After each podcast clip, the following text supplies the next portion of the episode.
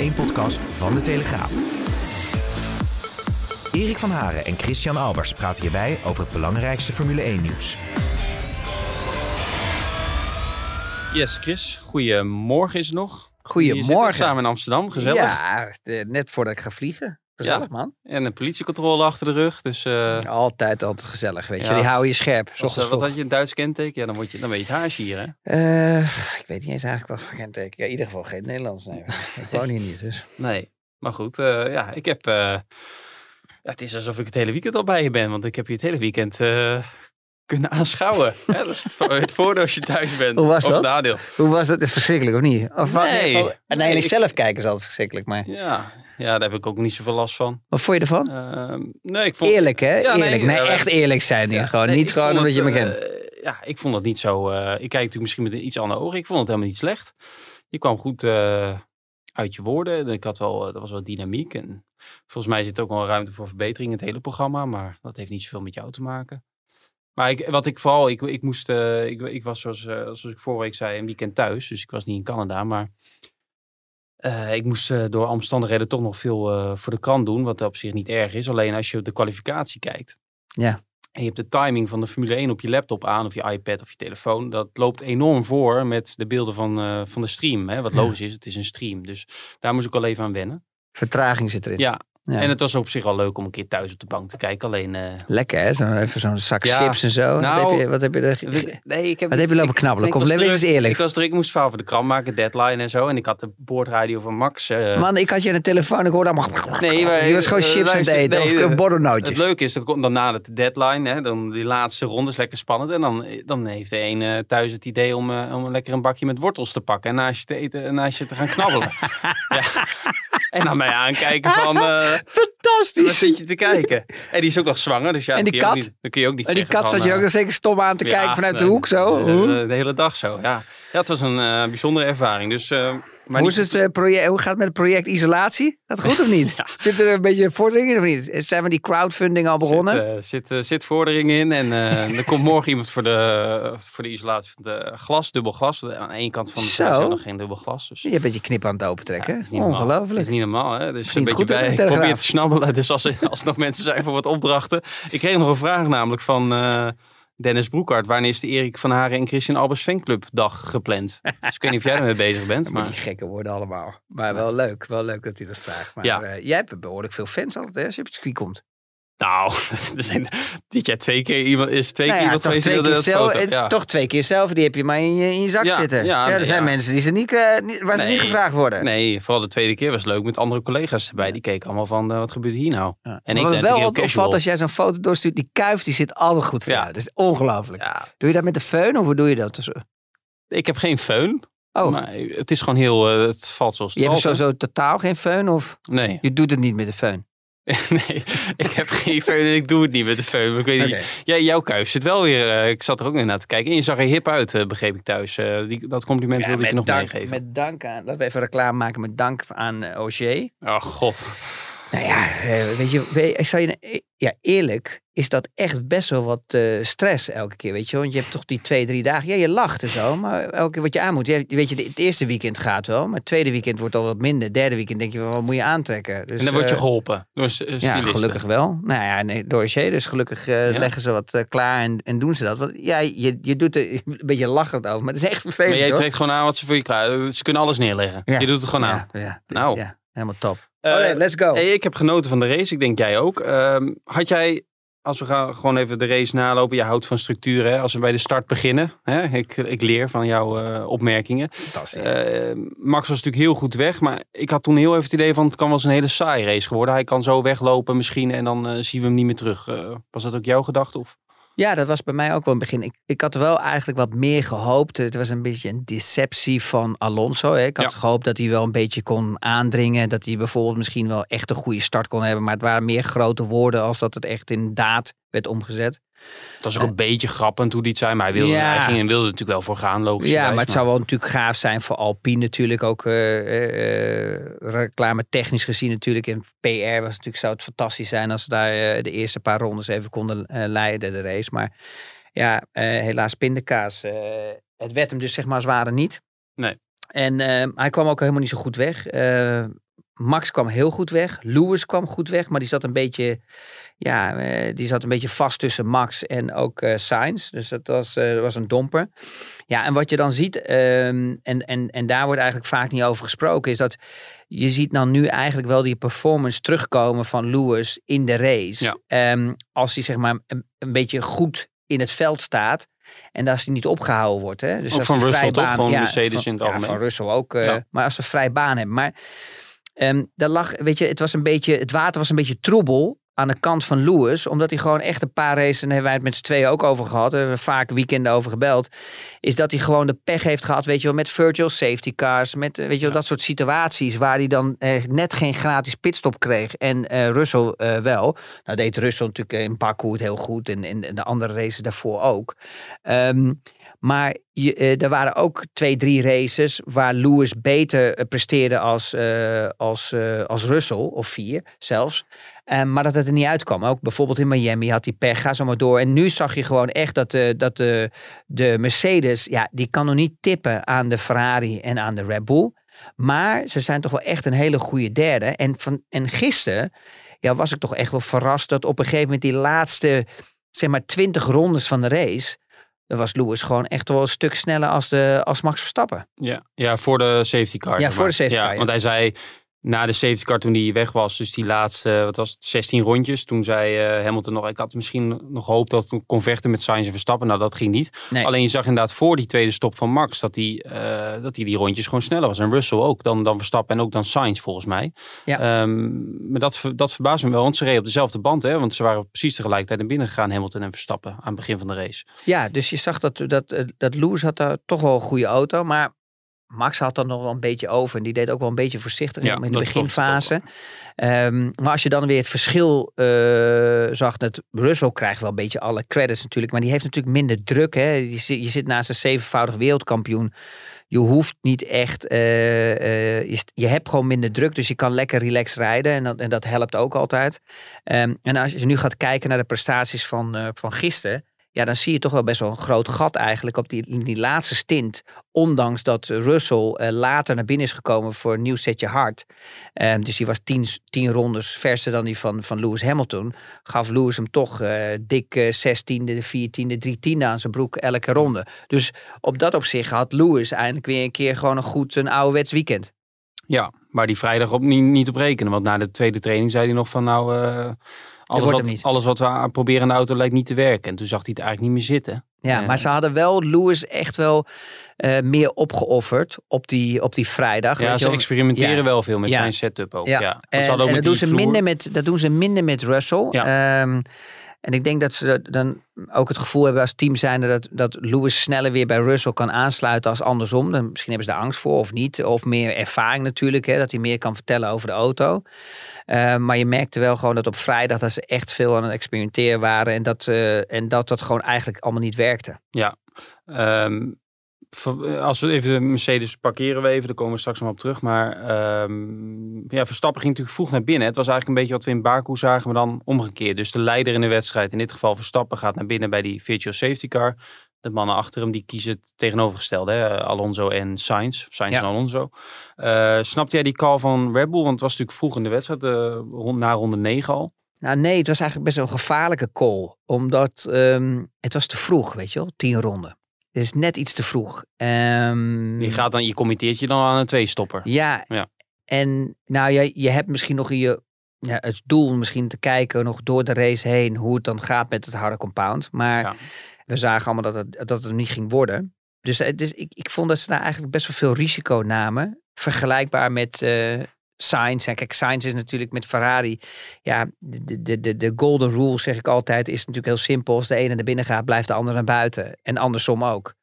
En als je dan gaat kijken naar ehm, Alonso, ja, die volgt natuurlijk gewoon eh Sainz. Het was, het was gewoon net iets te vroeg. En Ja. daar neem je toch wel risico mee. Want je moet toch weer die mannen allemaal inhalen. Waar je natuurlijk eh, het risico hebt om eh, tegen elkaar aan te, te rijden.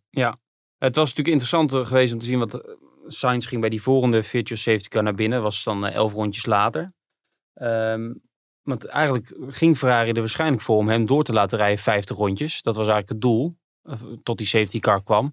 Of Verstappen er nog bij was gekomen. Dat was natuurlijk het, eh, eh, ja, de, de grootste vraag geweest. Alleen daar zijn we niet op gekomen. Dat Verstappen natuurlijk weer voorkwam na die stop van Sainz. Ja.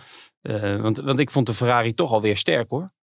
Nou ja, en als je dan gaat kijken met het kaliberverschil tussen Sainz en Leclerc. En als Sainz best wel kan aanpoten Ja. bij, bij Max, dan is Leclerc natuurlijk toch wel weer een, een another level. Hè, die toch iets beter presteert en iets sneller rijdt. Ehm, maar ja, precies wat je zei, zei, weet je, dat is altijd zo moeilijk in te schatten. Weet je, dat circuit, het was natuurlijk overal regen op die zaterdag. Dus dat betekent dat al dat rubber is weggespoeld. Weet je, al die gaatjes in het asfalt staan weer open. Het is wat agressiever voor de banden, dus je kan wat minder lang doorrijden. Ja, en dat, ehm, en dat kan, en, en- en dat moesten ze eigenlijk monitoren door de race heen. Dus ja, of ze echt uitkwamen met een één-stopper, dat is ook nog moeilijk in te schatten. Maar eh, vergeet niet dat dan, dan Max natuurlijk toch wel een, weer een verse setje banden had natuurlijk. En je zag wel zo dat hij ook snel in kon lopen. Ehm, Ja.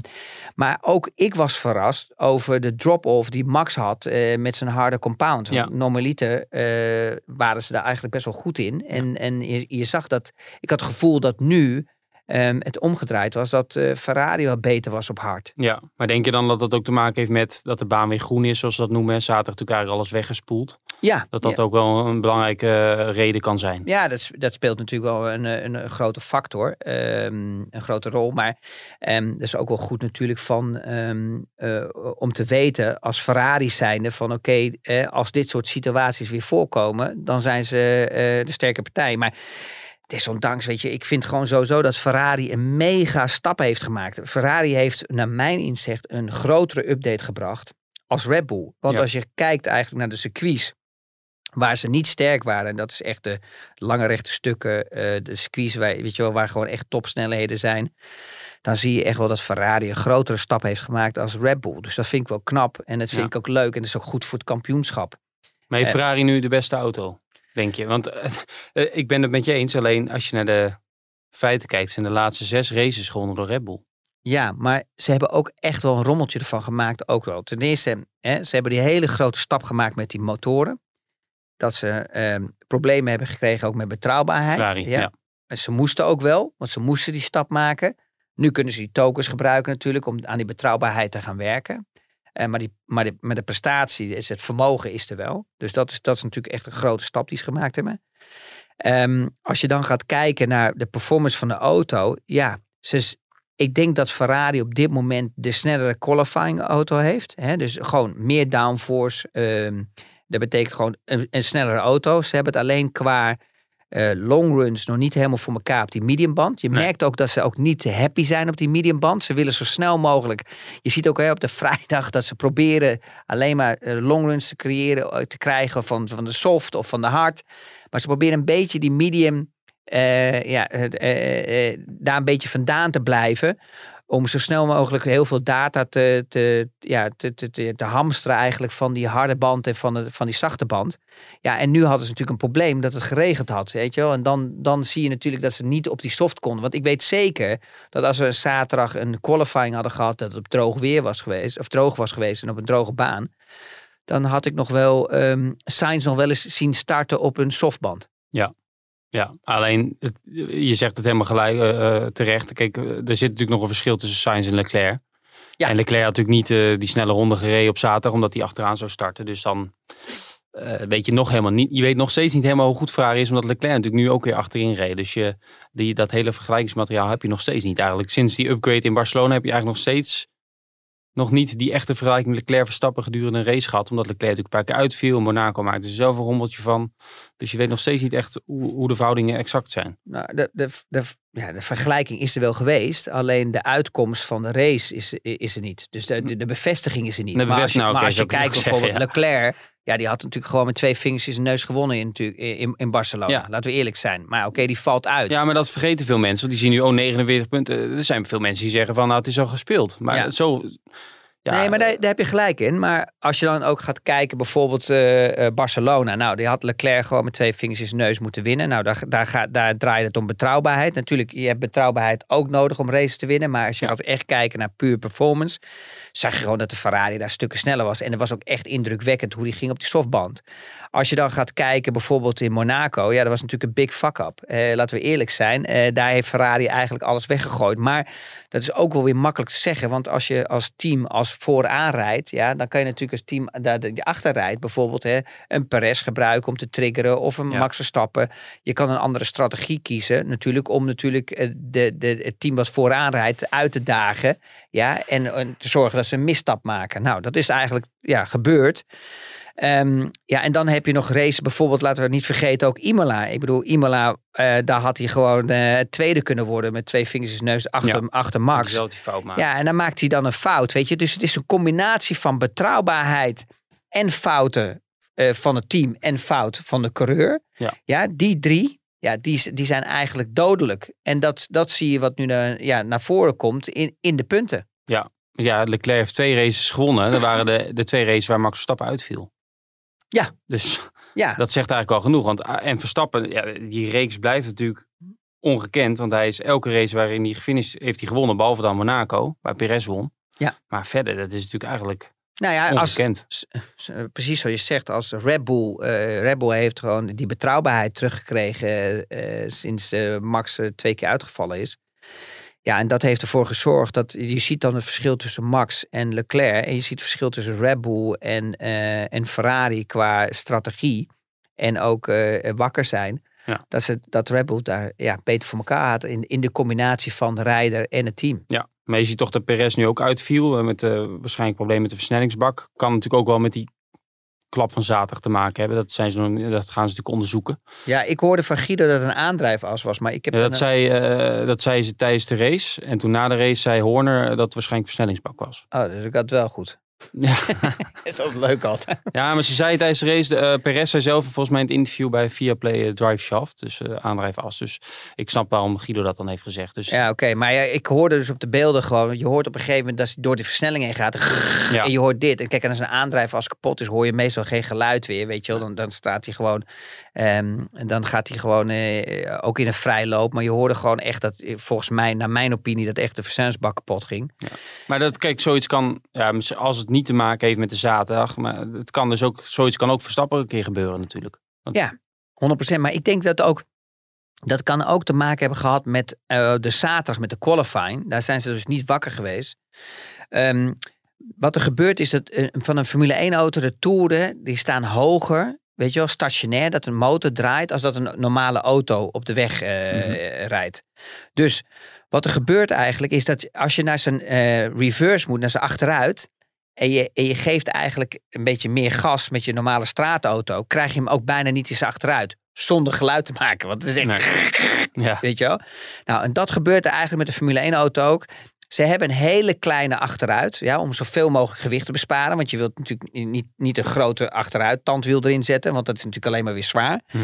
Maar het geeft een behoorlijke klap. Dus je moet ook nog echt voorzichtig zijn, weet je, als je hem eens achteruit zet. Ja, en wat er dan gebeurt op een gegeven moment, omdat het toerental zo hoog is, ja, klap je hem als het ware erin.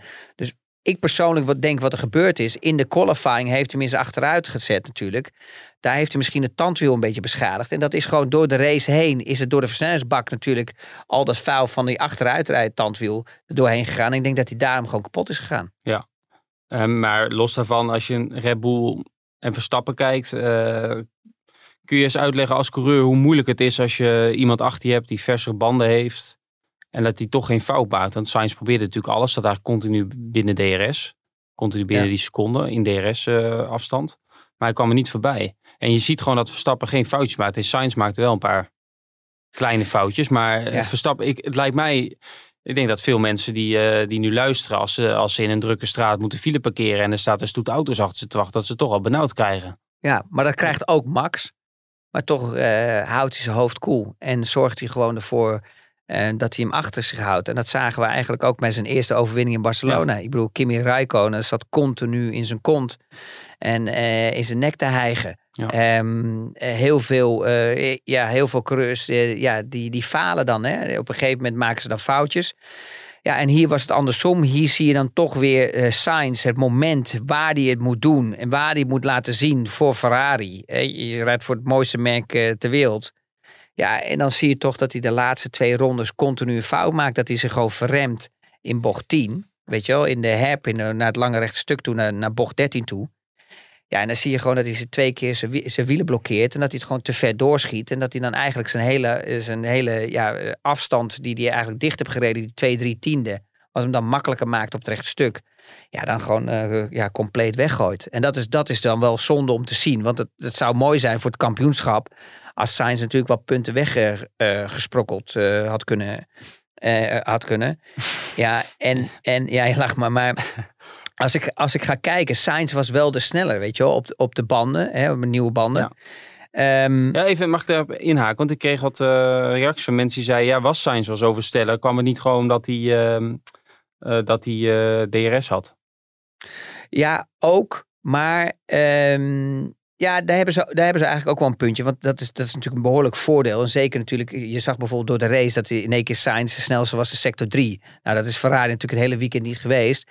En dat, dat verschil komt natuurlijk, dat, dat komt echt het grote deels natuurlijk door de DRS.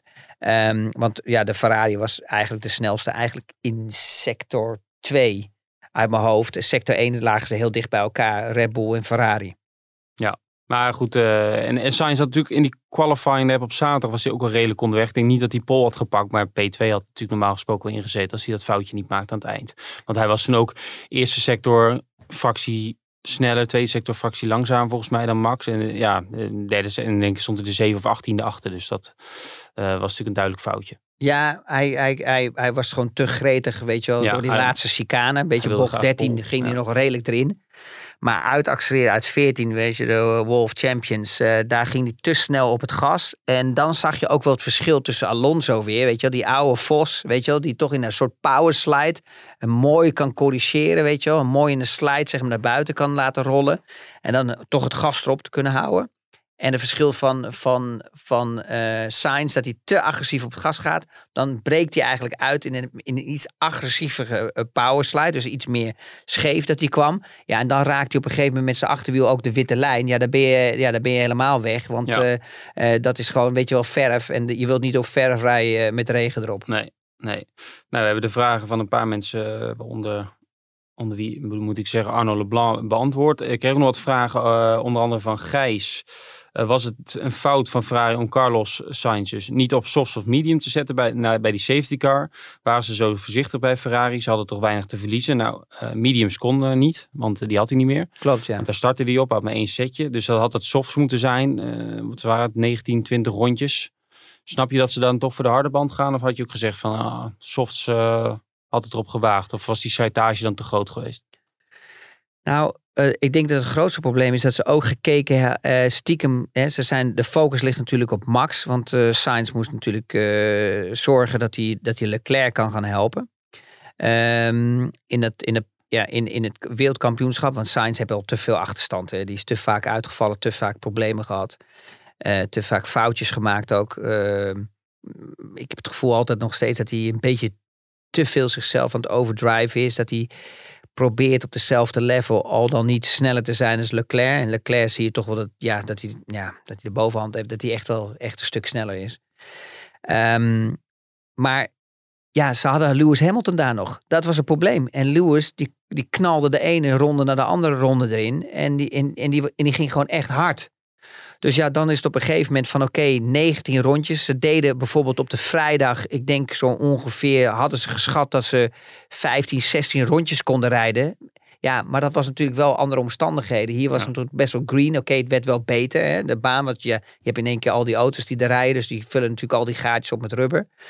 Um, maar ik denk dat ze toch een beetje bang waren voor de gok. Ik had de gok wel genomen, want uh, alles of niets. Ik bedoel, uh, je vecht voor een wereldkampioenschap en je wilt zoveel mogelijk punten weghalen van, van, de, uh, van, van de kampioenschapleider. Ja, dat is Max Verstappen op dit moment.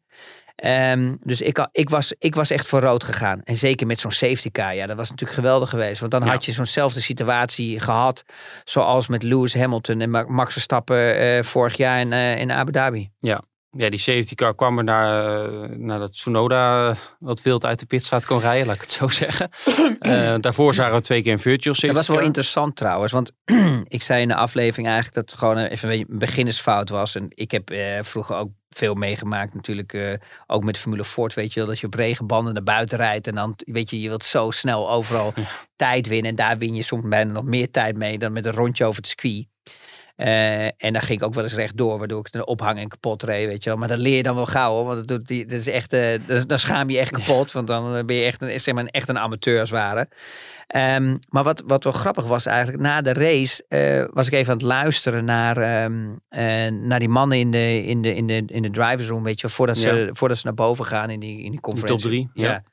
En ehm, daar zijn Max eigenlijk wel iets interessants, of, eh, en, en, en, en Carlos Sainz, is dat ze, als je naar buiten reed, en dat kan ik me nog wel herinneren, maar moet je nagaan, want het is echt heel lang geleden, is als je de, die pitstraat uitkomt rijden in Canada, dan is het best wel hobbelig eh, op het einde voordat je als het ware in moet sturen om die bochten, dus eh, langs de witte lijn scherp. En ik denk wat daar gebeurde, en, en, en, en, en dat was wel even een reminder voor mij, is dat ehm, eh, je, je krijgt nieuwe banden. Die koelen helemaal af natuurlijk in die pitstraat, want je Mhm. rijdt niet hard genoeg. Hè? Dus er, er is weinig temperatuur, je kan de rem er niet ophouden. Want je wilt ook 80 km per uur rijden, of in ieder geval zo hard mogelijk Ja. als je kan.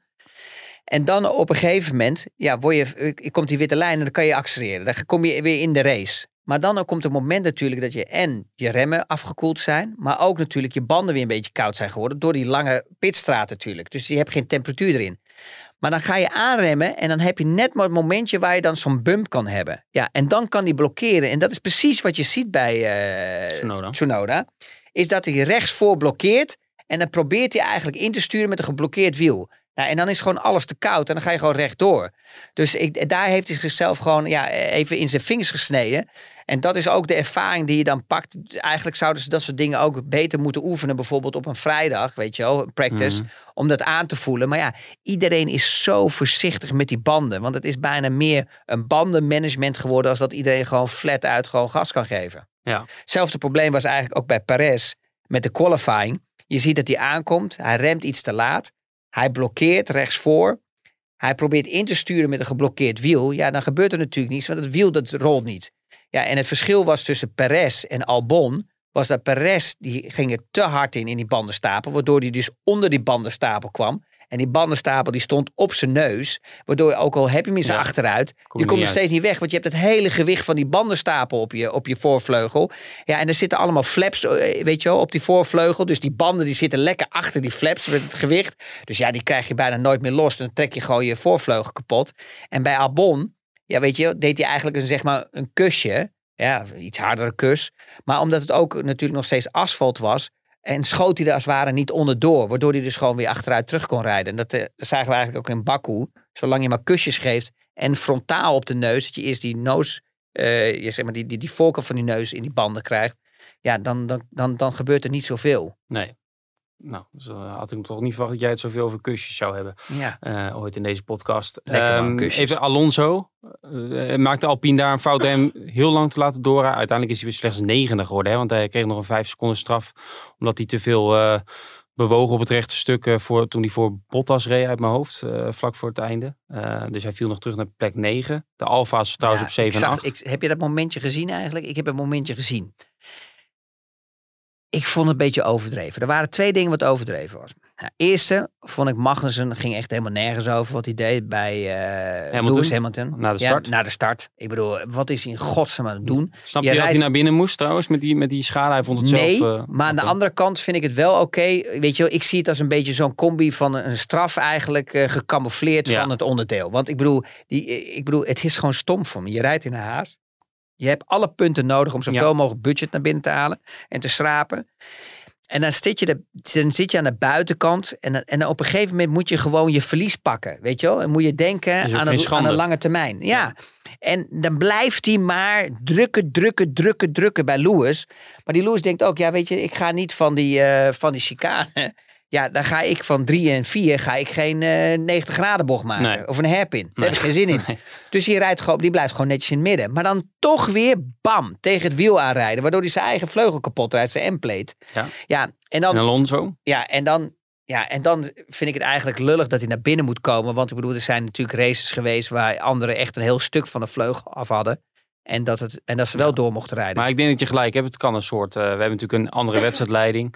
Dat, dat dit een soort straf is. Dat je zegt Ja. van. eh Ja. het vorige week kwam die vlag ook met Tsunoda. was natuurlijk een ander moment. ja. Eh, maar dat ze die wat vaak van stal halen. Maar mijn vraag ging over Alonso en Bottas. Maar heb je dat, dat, dat vond je te zwaar? ja, dat vond ik echt te zwaar. Want op een gegeven moment moet je, als je aankomt bij 13, 14, moet je je oplijnen. Dus je moet weer een beetje naar links. En dat deed hij eigenlijk. En, en, en Bottas was, was eh, niet dichtbij genoeg, weet je wel. Dichtbij, maar niet heel erg. Maar wat ze dan zeggen is dat ze willen niet dat je natuurlijk waved in een braking eh, zone. Mhm. Ja. En het probleem was dat, dat, dat hij net iets te laat terugkwam, weet je wel. Van, van rechts naar links om zich op te lijnen, om natuurlijk naar die apex, naar 13 te komen. En dat, ze daar, dat het daar een beetje kiele kiele was, dat hij bewoog eigenlijk in de remzone. En dan is het gevaarlijk, want dan is de auto die erachter ligt, die heeft in één keer geen downforce meer. Dus die kan zich verremmen en die kan achterin rijden. Eh, maar ik vond het zo dat ik denk van ja, een beetje lullig. Maar heeft Alpine hem daarvoor niet veel te lang te laten, eh, laten doorrijden? Want ja, als je Ocon zag, de snelheid zat er natuurlijk wel redelijk in. Hè? Die hield Leclerc nog een tijdje op. Ja. Ehm, Ja. ja. die, die werd uiteindelijk zesde dan denk ik, Ocon uit mijn hoofd, ja. Eh, ja, de, de- Alonso wordt dan negende. En terwijl die als tweede start, dan, dan voel je je natuurlijk ook niet echt lekker. Nou ja, bij de eerste vond ik het niet zo erg, want de eerste, dat is gewoon te vroeg, die tien ronden. Bij die tweede virtual safety car, ja, daar had hij echt naar binnen moeten Ja, toen komen. Sainz het ook deed. Ja. En ehm, ja, daar heeft hij echt heel veel tijd mee verloren. En op een gegeven moment kreeg hij dus ook een probleem met de motor. Nou, toen had hij natuurlijk O- Ocon ook nodig om in die DRS te blijven. Weet je, om zo natuurlijk door die race eh, als het ware op sleeptouw getrokken te worden. Omdat hij gewoon motorvermogen miste. Dus op dat opzicht was het wel slim van het team. En een echt, ja, weer echt teamwork. Maar aan de andere kant geeft dan Alonso ook wel gelijk dat hij zegt op het einde: joh, luister, eens, geef mij dat plekje even terug. Want ik was het hele weekend het snelste. Dus ja, weet je, het is een beetje zo mixed feeling. Het was gewoon een beetje een deceptie van Alonso. Weet je, je rekent op hem. Hij is vaak de smaakmaker. Hij is vaak met de start agressief. Hij pakt plekken. Hij vecht. Hij is goed in de eerste ronde. Daar is hij wakker. Hij weet gewoon met koude banden, net zoals Max, ja, goed kunnen vechten. Ja, dat miste ik gisteren wel een beetje, Ja. eerlijk gezegd. Laat het ook een beetje iets zijn van... Heel vaak heb je op zaterdag best bij zo'n kwalificatie uitzicht logisch. Hè, als hij op de eerste rij staat en het was een geweldige kwalificatie. Natuurlijk in natte. Enorme euforie. Eh, vaak hè, met Ja. de jubelverhalen en geweldig en dit en dat. Alleen, ja, Alonso zei het zelf ook. De punten worden natuurlijk pas zondag verdeeld. En ja, dat blijft helemaal niet meer hangen, die kwalificatie van zaterdag bij hem. Omdat hij gewoon in de race negende wordt. Dus ja, eh, misschien is het ook een beetje een les voor ons om het dan niet zo op te hypen de zaterdag. Want uiteindelijk eh, moet je de zondag nog maar afwachten hoe het gaat. Ja, maar dan nog is het wel een goede, eh, goede prestatie natuurlijk. Ik bedoel, laten we eerlijk zijn. Er zit gewoon een Alpine die niet eh, waardig is om op, op de eerste startrij te staan. Zet hij hem wel weer neer. In, in, opstand, in, in, in, in, in, in een soort weerconditie op dat moment. Wat toch tricky is. Ja. Kijk, en daar zie je natuurlijk de ervaring van zowel Lewis als zowel eh, Alonso als zowel Max. Ja, dat zijn toch weer de drie die gezegd hebben van oké, we blijven op die intermediates. Want je hebt gewoon bepaalde bochten. Kijk, Russell die, die nam een gokje. Ja. Maar ja, weet je, het is, het is geen gokje meer. Het is een gok. Want als je keek bijvoorbeeld in bocht 1 en bocht 2, daar was het gewoon te nat. Ja, Dus- die plassen nog staan. Ja, dus Ja. je kan wel dat aanremmen voor bocht 1. Daar is het allemaal droog. Maar dan als je rolt door bocht, 2, eh, bocht 1, ja, dan krijgt die, die band in één keer zoveel water dat hij zoveel afkoelt. En dan heb je nog steeds een natte bocht 2. Ja, en dan zie je dat je er gewoon vanaf vliegt. En, en daar deed Alonso het wel weer goed. Die ging weer zijn intermediates afkoelen in die qualifying. Om toch dat laatste, weet je, om de, juiste temperatuur te krijgen. Want die intermediates die worden natuurlijk heel warm op de droge lijn. Hè, want daar zijn ze niet voor gemaakt. Ze zijn meer gemaakt natuurlijk voor een beetje een half eh, nat, eh, half eh, droog. Maar op een gegeven moment worden ze dan te warm. En dan oververhit je ze. En dan vallen ze helemaal in elkaar. Dan heb je helemaal geen grip meer. En als je dan kijkt, bijvoorbeeld hoe hij dat deed, dat hij echt dus zich ging opzetten, weet je wel, ging oplijnen voor dat laatste, voor die laatste, voor de laatste minuut zeg maar, om toch nog over start-finish te komen Ja. met de juiste afgekoelde banden, om dat rondje nog één keer aan te zetten. Ja, dat is gewoon ervaring. En hetzelfde geldt eigenlijk voor Lewis, weet je wel. Lewis zegt ja, absoluut geen slicks, want dat wordt hem niet. En Russell zegt, ja, why not, weet je wel. Ik ga gewoon voor mijn 5 minus of V, misschien zet ik hem op pol. En het is een goed recht natuurlijk ook. Maar het is ook een beetje ervaring wat Ja. hij mist. En, en Max precies hetzelfde. Ja, die, Ja. je, die, is, die is door Jos natuurlijk eh, is met de paplepel ingegoten natuurlijk eh, lekker te rijden in de regen met, met zelfs. slicks, ja. Ja. Ja. Nee, die zei ook alleen maar van, het, is te, het is nog te nat voor, voor slicks. Hè? Dus Ja. ja. en dan is het aan de coureur toch om dat te bepalen. Ja. In zo'n situatie. Ja, Ja. dat- Ja. Die, moet, die moet de beslissing nemen. Even kijken, ik wil nog even over Toto Wolf hebben. Maar misschien heb je nog eerst nog iets van de race wat je verder nog op iets wat je wil. eh, Nee, ja, kijk, weet je, dit, het was een best wel pijnlijke, moeilijke race voor Leclerc. Hè? Ik bedoel, hij is 50 geworden. Hij heeft de schade geprobeerd zo goed mogelijk te beperken. Ja. Maar het was het niet helemaal. Kijk, op een gegeven moment zat hij ook in zo'n treintje met Albon, Bottas geloof ik, Ja. nog een paar, weet je wel, in die, in die slipstreams. En iedereen had DRS. En die Albon, die ging wel echt als een raket op het rechte stuk. Dat is niet normaal.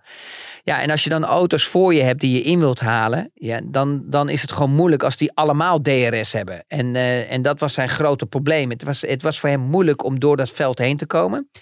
En je zag ook dat hij moeite had, natuurlijk de combinatie van en, weet je wel, met een volle tank op nieuwe harde banden.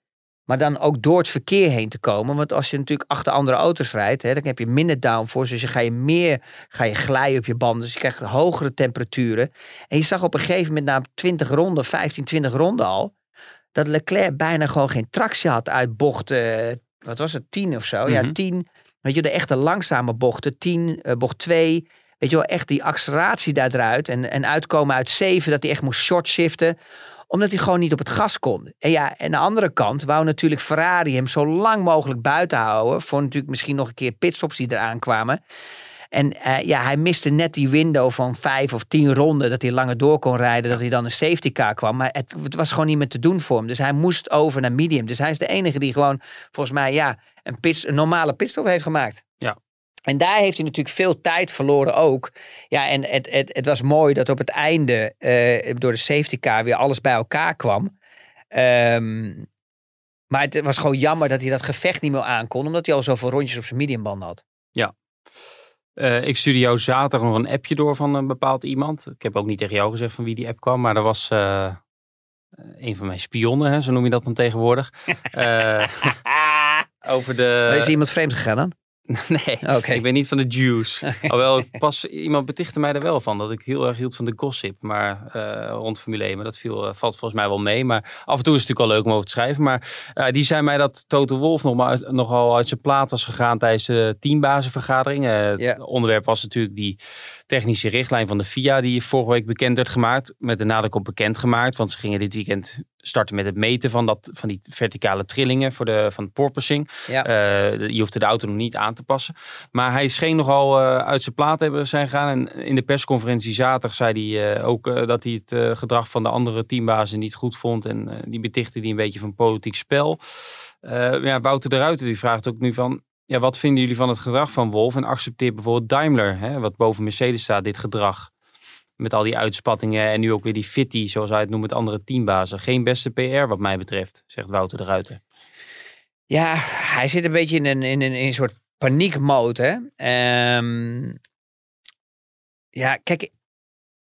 Zijn, het ligt er net aan natuurlijk waar je zit, op welke positie je zit en, en in welk team je rijdt. Ja. En, en hoe. Kijk, ehm, als ik heel eerlijk ben, als je ziet wat de FIA allemaal uitspookt om het steeds eh, veiliger te maken. Weet je wel, zoals eh, weet je wel, al die ja, weet je, bandenstapels, ga maar door allemaal. Weet je, die soft, eh, hoe noem je dat allemaal? Noem jij het dus allemaal op? Jij bent eh, de Tech Pro Ja, ik bedoel, Ja. het gaat eh, uitloopzones. Ga zo maar door. Weet je, het, het wordt steeds meer. Dus dit, wat, het ook nog, wat het ook nog minder leuk maakt voor ons. Want als je eraf vliegt, dan kom je gewoon weer de baan op. En weet je, je wordt niet meer afgestraft. Daarvoor vind ik bijvoorbeeld Baku, lo- Baku vind ik leuk. Ik vind Monaco vind ik fantastisch. Weet je, dat soort oude circuits. Mhm. Zandvoort, als je eraf gaat, dan is het ook gewoon genadeloos. De kans is wel iets groter dat je kan terugkomen. Hè, als, je, als je maar het gas erop houdt op de, eh, eh, in, in, in, de, in de grimbak.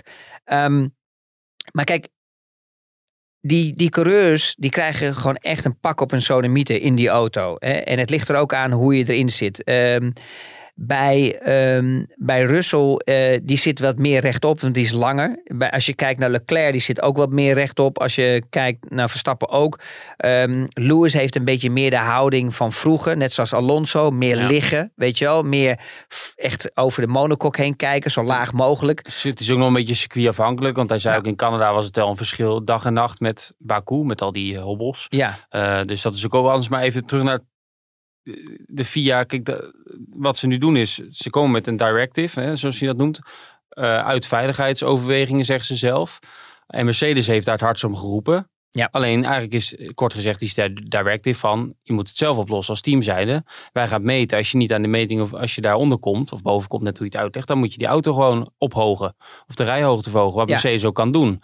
Ja. Dus dat is ook een beetje wat die teambazen zeggen, wat een Horner ook zegt en wat Binotto ook zei, terwijl Binotto met Ferrari natuurlijk ook last heeft van het gestuiten, van ja, je kan het zelf oplossen. Ja. En, en, en toen is Toto eh, uit zijn platen gegaan, maar, want die, denkt, die denkt misschien is achterhoofd, ja, ze hebben wel een punt, alleen als we dat doen, dan eh, staan we achteraan. Ja, maar dat is, dat is ook het grote probleem. Ehm, maar laten we eerlijk zijn, dat alle auto's, die hebben allemaal dat probleem. Hè? Eh, allemaal doen ze porpoising. Alleen de, het verschil is dat Red Bull het meer onder controle heeft. En dat is eigenlijk, ehm, ja, hoe moet het zeggen? Adrian Newey die heeft daar gewoon ervaring mee in de 80 en de 90 jaren. Ja. En die heeft het heel snel onder controle eh, gekregen. Ja. En dat is natuurlijk een voordeel voor Max en Perez. Dus die hebben daar minder last van. Als je kijkt naar Ferrari, die heeft er ook veel last van. Maar allemaal weer bij een snelheid van 250 kilometer, 240 kilometer plus. En die coureurs klagen er ook Nee, maar- veel minder om, hè? Ja, maar als je als coureur zijn en je staat vooraan, Ja, dan klaag je nooit natuurlijk. klagen, Want dan, dan maar liever pijn. Dan ja, dan, dat je gewoon bij de eerste, eerste vier staat. Als dat, je, eh, als dat je pijn hebt en je eerrijdt bij plek eh, 8, 9, 10, eh, ga zo maar door. Dat is natuurlijk ook een hele andere, andere belevenis.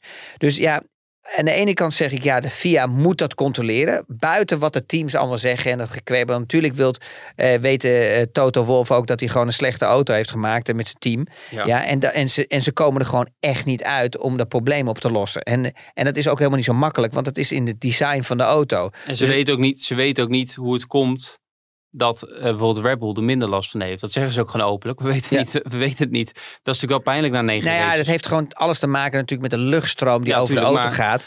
En eh, op welke, op welke gedeeltes meer eh, neerwaartse druk is en welke gedeeltes minder. Dus de combinatie van de veren en van, en van de vloer, weet je wel. Als er gewoon te veel komt op een moment waar dus echt de, de auto zeg maar, in een soort stol komt en weer naar boven gaat, ja, dan blijf je dat stuitende effect hebben. Maar Ja. om terug te komen, ik vind dat de FIA eh, zeker moet gaan kijken naar de coureurs. Hè. Zeker nu al, al dat ze altijd alleen maar bezig zijn met safety, met de hands, hands device, hè, headrest, eh, halo, eh, uitloopzones. Gaan ze het allemaal, eh, gaan allemaal maar door. Dus ze moeten wel kijken wat voor eh, klappen die coureurs krijgen op de rechte stukken. En ja, als ik heel eerlijk mag zijn, ik denk dat eh, Ross Brawn da- dit ook niet verwacht had, dat dit allemaal naar buiten zou komen, dat porpoising. Dus het is, was voor iedereen een verrassing ook. Eh, Ze, ze hebben natuurlijk er gewoon niet over nagedacht dat dit het effect kan zijn. Nee. En dat het ook eh, dus echt ook in realiteit gebeurt. Nee, maar ik ben benieuwd hoe het afloopt. Maar je kan, je kan ook niet de teams die het wel onder controle hebben nu zeggen van jullie moeten ook iets aanpassen. Dat Ja, kan je eigenlijk ook Ja, niet doen. ja en nee, Erik. Want kijk, ehm, eh, linksom of rechtsom weten wij niet of Leclerc en of eh Sainz er last van hebben. Weet je wel? Ja, Nou, ik- Sainz klaagde er wel over. pas Nou, dat bedoel ik. Dus, ja. dus, dus eh, ook een team wat vooraan rijdt. Ehm, we weten ook niet of Perez en Max er last van hebben. Je, ziet, je ziet de auto minder bewegen. Ja. Maar we weten het stiekem niet. Want ze- we, we, we praten niet met ze. Dus ze zeggen, als je een auto hebt die vooraan meerijdt, heb je er nooit last van. Laten we Nou, dat we, voorstellen. praten, we praten wel met ze. Dus, maar, Ja, maar- als Max Verstappen er last van zou hebben, dan zou hij het, zou hij het echt wel hebben gezegd. Of het nou onderwerkend is of off te werken. Nou- dan, zou, dan zou ik het wel weten. Nou, daar zijn we het één keer met elkaar niet eens. Nou, want, ehm, want als jij gewoon races kan winnen met een auto waar je ook een beetje pijn hebt, dan, eh, dan, dan, ja, dan bijt je gewoon even op een stokje. Ja, maar dan heb je er last van op een wijze waar het te, te doen is. Wat Hamilton gisteren ook in Montreal had. Hij zei op deze manier is het wel te doen. Ik weet niet of Toto daar zo blij mee was dat hij dat zei. Dat helpt hem ook niet in die situatie. Maar, Maar ik denk kijk, dat het meer de kant- euforie was dat hij gewonnen had. Als- eh, Ik denk dat hij nog steeds zoveel klappen heeft gekregen. Maar ze hebben ook wel echt behoorlijk eh, wat dingen veranderd. Hè. Stukken uit de vloer gehaald. Ze hebben ook nog eh, veel data gekregen van de fabriek. Ze hebben toch veel dingen veranderd van vrijdag naar zaterdag Ja. toe. Maar terug te komen. Toto heeft een punt, ja. Maar er wordt natuurlijk, ja, eh, weet je, zijn stoelpoten worden onder zijn stoel weggezaagd. Omdat gewoon die andere teams, die denken, ja, fuck you. En wij zijn nu eindelijk eens een keer met een auto voor jou. En eh, we willen er niks van weten. Maar het is, het is en blijft een groot probleem. Het gaat om de safety, het gaat om de veiligheid en de gezondheid van de coureur. En daar moeten ze gewoon naar kijken. En je hebt ook wel gelijk. Ik denk dat ook eh, Max Verstappen die, die zou zelfs een race rijden met een gebroken been. Dat Dus bedoel ik, ja. ehm, dat, dat is, klopt ook wel. Maar ik denk wel, eh, ik snap, ik snap het punt van Red Bull in dit geval ook wel. Als je het zelf onder controle hebt, dat je denkt van ja, eh zeur niet, los het zelf ja, maar op. maar weet je wat het probleem is, Erik? Die auto, weet je, die, die, al die, die engineers die allemaal achter de pitbox zitten, allemaal bij de fabriek zitten. Die coureurs doen, eh, hebben eigenlijk geen invloed op de rijhoogte. Die rijhoogte wordt afgesteld door het team. Die wordt door, door, door data, met computers, wordt gekeken waar je de meeste downforce creëert. Op welke rijhoogte op het circuit. En, eh, en daar komen ze eigenlijk niet meer verder aan. Want dat wil je. Je wilt de meeste, de meeste downforce eh, krijgen. Dus de meeste neerwaartse druk die er mogelijk is op die, eh, van die auto. Dus je hebt dan, krijgt dan op een gegeven moment automatisch een rijhoogte. Ja. En, en daar wil je niet meer van afwijken. Want dan verlies je performance, hè, verlies je rondetijd. Dus ehm, ik begrijp wel dat mensen zeggen, ja, zet hem hoger. Maar ja, dan kan het zijn dat, die gewoon, eh, dat ze tussen de, tussen de Williamsen staan. En dat is natuurlijk hun eigen probleem. Ja. Hè, want zij hebben het niet onder controle. Dat begrijp ik ook wel. Maar ehm, dat wil nog niet zeggen bijvoorbeeld op die hoge snelheid. Want Formule 1 auto's rijden nou eenmaal boven de 250 km per uur. Ja, dat als die klappen nog steeds komen op al die wervels. Hè, want ik bedoel, ik heb zelf nu ook een rugoperatie gehad natuurlijk. En dat was in de tijd van Minardi. En daar lagen we eigenlijk precies hetzelfde. Ook zo laag nog op de grond. Je krijgt gewoon zulke klappen. En dat is gewoon niet gezond. Je wilt straks niet dat al die coureurs allemaal met rugoperaties verder moeten de rest van hun leven. Nee. Dus vandaar dat ik het zeg. Maar je zit nou eenmaal vast aan die, aan die rijhoogte. Want daar haal je je performance vandaan.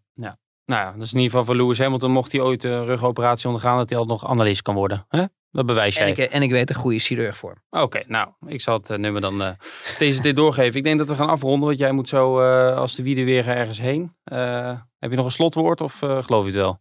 Nou, ik, ik vond dat Stroll het goed had gedaan. Ja, in de punten Want eh, eigen publiek. ja, eh, Vettel was eigenlijk op vrijdag super snel. En eh, met de qualifying hadden ze het echt niet voor elkaar bij Aston Martin. Nee. Dus dat was eh, verrassend slecht eigenlijk.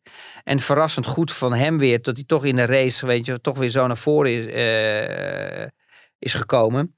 Tegenvallen was, was echt Pierre eh, Gasly. Ik vond die, je zag ook gewoon echt aan de rondetijd. Hij kwam er gewoon niet aan toe. Dus de snelste ronde was 1.17.8. Terwijl de rest gewoon de top in de 15 hoog reed. En in de 16 laag. Ja, of de 17.0. Dus Gasly was, ja, die had, die had echt een slecht weekend. Dus dat was wel jammer van eh Alfa Tauri. Want ze deden het in Baku toch wel stiekem weer heel erg ja, goed. dat had hij een goed weekend. Ja. Ja. En wat een belangrijk punt is ook over de porpoising, is dat we nu circuits hebben gehad, wat eigenlijk allemaal stratencircuits zijn. Dus die zijn niet zo vlak. Dat asfalt is niet zo glad als echt de professionele circuits. Die Ja. echt alleen maar voor circuits worden gebruikt. Eh, of in ieder geval echt waar alleen maar wordt gebruikt voor racen. Want eh, ja, als je naar Baku gaat, daar rijden dus natuurlijk ook gewoon normale auto's over de weg. Eh, gaan er vrachtwagens, gaan maar door. Als je kijkt naar Monaco, daar rijdt ook iedereen gewoon normaal over de weg. eh, verschillende gewichten ook, weet je wel. Dan krijg je toch meer bumps. Ja. en hetzelfde is hier in Montreal, wordt ook gebruikt, dit circuit. Hè, ook als park. Dus ja, dat zijn allemaal circuits. Dat als je een meer bumps hebt, dan krijg je, heb je ook meer last van de porpoising. Want die auto blijft heen en weer gaan. Want die auto is heel stijf afgeveerd natuurlijk. Nou, voorlopig hebben we geen eh staatsquiz meer. Ik denk alleen in Singapore nog, eind september. Zeg ik uit mijn hoofd, begin oktober. Dus eh, verder gaan we voorlopig weer op normale circuits reizen. Ehm, Chris, dank voor je tijd. Leuk dat je er weer een keer was. Zonder man. eh, man. spatscherm ertussen. nu het nog kan. Ja. Je weet niet hoe het gaat met de besmettingen.